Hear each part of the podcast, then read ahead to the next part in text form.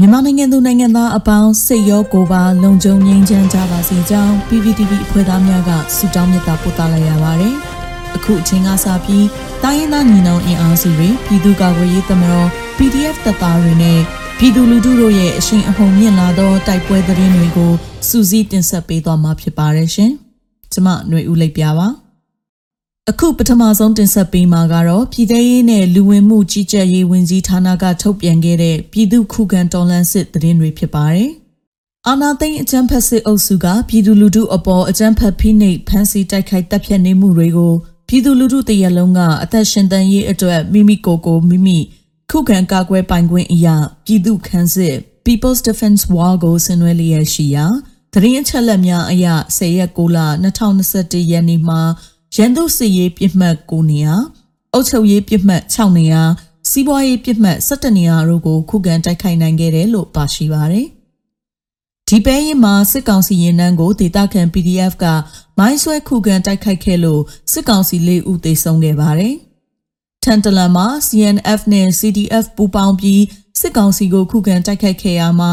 စစ်ကောင်စီလေးဦးသေဆုံးခဲ့ပြီးအကြမ်းဖက်စစ်အုပ်စုကဂျက်လီရင်အုံပြူဘုံကျဲတိုက်ခိုက်ခဲ့လို့ပြည်သူအချို့ဒဏ်ရာရခဲ့ပါတယ်။ဂံကောဒေသခံ PDF နဲ့ CNF တို့ပူးပေါင်းပြီးနှမ်းခါရွာအနီးစစ်ကောင်စီနဲ့တိုက်ပွဲဖြစ်ခဲ့တာစစ်ကောင်စီ73ဦးသေခဲ့ပါတယ်။အထီနာနေတဲ့စစ်ကောင်စီတပ်တွေကမြင်းသားရွာနဲ့တာလင်းရွာကိုမီးလောင်တိုက်တွင်းခဲ့တဲ့အပြင်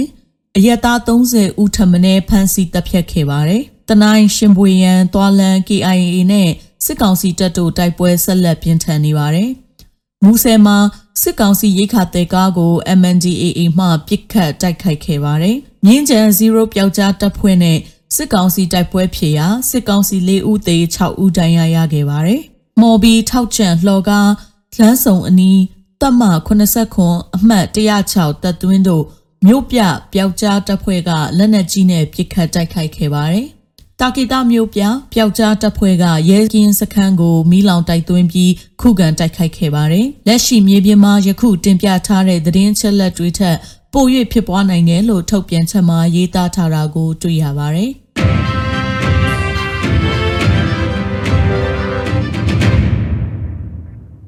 ဆက်လက်တင်ဆက်ပေးမှာကတော့ဖက်စစ်စန့်ကျင်ရေးလေယုံတပ်ဖွဲ့ဖဆလာတာက စစ်ရေးလှုပ်ရှားမှုသတင်းထုတ်ပြန်ချက်တစ်ခုထုတ်ပြန်လိုက်တဲ့သတင်းဖြစ်ပါတယ်။ဖက်စစ်စန့်ကျင်ရေးလက်ယုံတပ်ဖွဲ့ဖဆလာတာက2021ခုနှစ်စက်တင်ဘာလ17ရက်ရက်စွဲနဲ့စစ်ရေးလှုပ်ရှားမှုသတင်းထုတ်ပြန်ချက်လေးမြင့်ဆောင်2021ကိုထုတ်ပြန်လိုက်ပါတယ်။အဆိုပါထုတ်ပြန်ချက်ထဲမှာစစ်အာဏာရှင်စန့်ကျင်ရေးပြည်သူလူထုတရက်လုံးဤခုခံတွန်းလှန်စစ်အဖြစ်ဖက်စစ်စန့်ကျင်ရေးလက်ယုံတပ်ဖွဲ့ဟာစက်တင်ဘာလအတွင်းမှာမယန်းကုန်းမြို့နယ်ဘရင်နောင်လန်းဆောင် ရင်ထင်းယုံရှိစစ်ကင်းစခန်းဖောက်ခွဲတိုက်ခိုက်မှု တောင်တကုံမြို့နယ်မောင်မကန်လန်းလူမဲ့တပိတ်ဖြိုခွင်းရန်လာသည့်စစ်ရင်တန်းဖောက်ခွဲတိုက်ခိုက်မှုတကုံစိတ်ကမ်းမြို့နယ်ရွှေလီနဲ့ရတနာလန်းကြောင့်ရင်ထင်းယုံသတိပေးဖောက်ခွဲတိုက်ခိုက်မှုတကုံစိတ်ကမ်းမြို့နယ်အေယာဝန်လန်းအေယာချမ်းသာအင်ယာအနီးစစ်သုံးရင်နှစ်စီးဖောက်ခွဲတိုက်ခိုက်မှုမယန်းကုန်းမြို့နယ်ဥပဟန်လန်းစစ်စေး အဖွဲ့အုံပြုသောရင်ထင်းရေးဖောက်ခွဲတိုက်ခိုက်မှုတောင်ကလာပမြို့နယ်စစ်အုပ်စုတပ်ဖွဲ့များ၏စစ်စေးရေးဂိတ်အနီးဖောက်ခွဲတိုက်ခိုက်မှုမြောင်းတကုံမြို့နယ်တပင်းရွှေထီလန်းရင်ထင်းယုံစစ်စေးရေးနှင့်စစ်ကင်းဖောက်ခွဲတိုက်ခိုက်မှုတကုံစိတ်ကမ်းမြို့နယ်ရွှေလီလန်းစီပင်ယုံအနီးစစ်ကင်းစခန်းဖောက်ခွဲတိုက်ခိုက်မှုဖက်စစ်စစ်အုပ်စု၏ထောက်လန်းရေးထောက်တိုင်းသတင်းပေးတအူးကိုတိုက်ခိုက်မှုတွေကိုလှုံ့ဆော်ခဲ့ပြီး ဒီတိုက်ခိုက်မှုများအတွင်ရန်သူဖက်စစ်စစ်အုပ်စု၏အဆောက်အဦနှစ်ခုရင်နှစီးပျက်စီးခဲ့ပြီးသတင်းပေးတအူးသေဆုံးကရန်သူတပ်ဖွဲ့ဝင်များထိခိုက်ဒဏ်ရာရရှိခဲ့တယ်လို့ဆိုပါတယ်။ဖက်စစ်စန်ကျင်ရေးလက်ယုံတပ်ဖွဲ့ဟာပြည်내အခြေဆိုင်တော်လန်ရင်အင်အားစုများနဲ့မြို့ပြပျောက်ကြားအင်အားစုများစုပေါင်းထားတဲ့ຫນွေဦးကန်ကောပြည်သူတော်လန်ရင်အင်အားစုထဲမှာအစုအဖွဲ့တစ်ခုအဖြစ်ပါဝင်လှုပ်ရှားဆောင်ရွက်နေတယ်လို့ ထုတ်ပြန်ကြေညာထားပါတယ်ရှင်။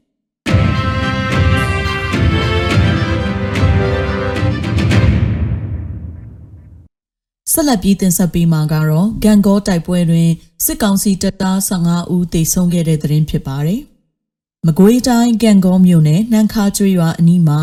စက်တင်ဘာ10ရက်နနက်ပိုင်းကအကြမ်းဖက်စစ်ကောင်စီတပ်များနဲ့ဂန်ကော PDF တို့အကြားနှစ်ဖက်တိုက်ပွဲဖြစ်ပွားခဲ့ရမှာ စစ်ကောင်စီဘက်မှ15ဦးခန့်သေဆုံးတယ်လို့ဂန်ကောမြို့နယ်ပြည်သူ့ကာကွယ်ရေးတပ်ဖွဲ့ဂန်ကော PDF ကထုတ်ပြန်လိုက်ပါတယ်။တိုက်ပွဲအတွင်းစစ်ကောင်စီတပ်သားများသေဆုံးတော့လဲဂန်ကော PDF တို့ဘက်မှ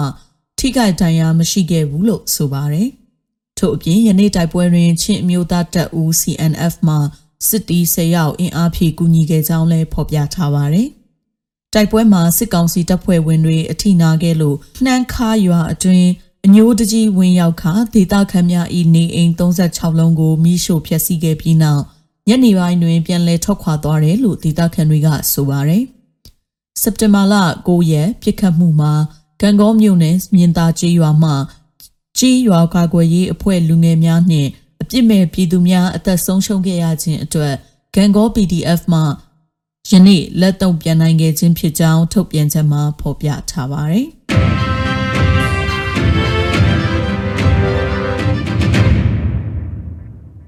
ဆက်လက်တင်ဆက်ပေးမှာကတော့စကိုင်းတိုင်းမြောင်မြို့နယ်တိုက်ပွဲတွေမှာစစ်ကောင်စီတပ်သား22ဦးသေဆုံးခဲ့တဲ့ဆိုတဲ့သတင်းဖြစ်ပါတယ်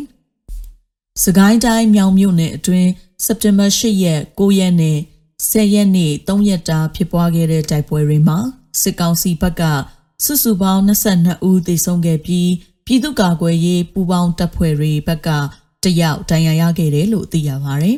။ကြောက်ရည် ရေလေကျွန်းမြစ်ဆုံတွေမှာစစ်ကောင်စီတပ်ကရွာတွေ PDF scan တွေကိုလက်နက်ကြီးတွေနဲ့လာရောက်တိုက်ခိုက်ခဲ့တာကြောင့်ဒေသကာကွယ်ရေးအဖွဲ့တွေစုပေါင်းခုခံခဲ့ရပြီးခုခံစစ်ပွဲ၅ချိန်ခန့်ဖြစ်ပွားခဲ့တာလို့ဒေသခံ PDF အဖွဲ့ဝင်တအူးကဆိုပါတယ်။တိုက်ပွဲဖြစ်ပွားချိန်မှာပဲပြည်သူနဲ့လာရောက်ပူးပေါင်းခဲ့တဲ့စစ်ကောင်စီရဲတပ်ဖွဲ့ဝင်တချို့လည်းရှိတယ်လို့အဆိုပါဒေသခံကဆက်ပြောပါတယ်။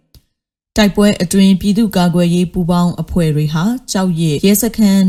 နဘတ်ကြီးရဲစခန်းတို့ကိုလည်းဝင်ရောက်သိမ်းပိုက်နိုင်ခဲ့တယ်လို့သိရပါတယ်။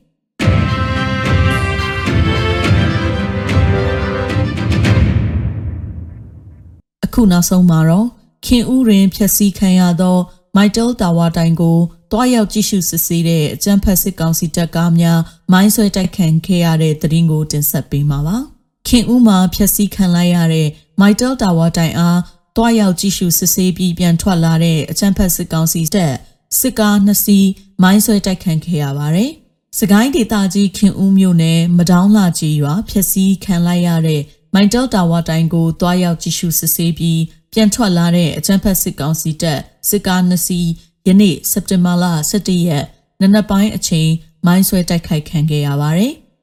တိုက်ခိုက်ခံရစက္ကစတွေထိခိုက်မှုအရေးအတွက်ကိုတော့မသိရသေးပါဘူး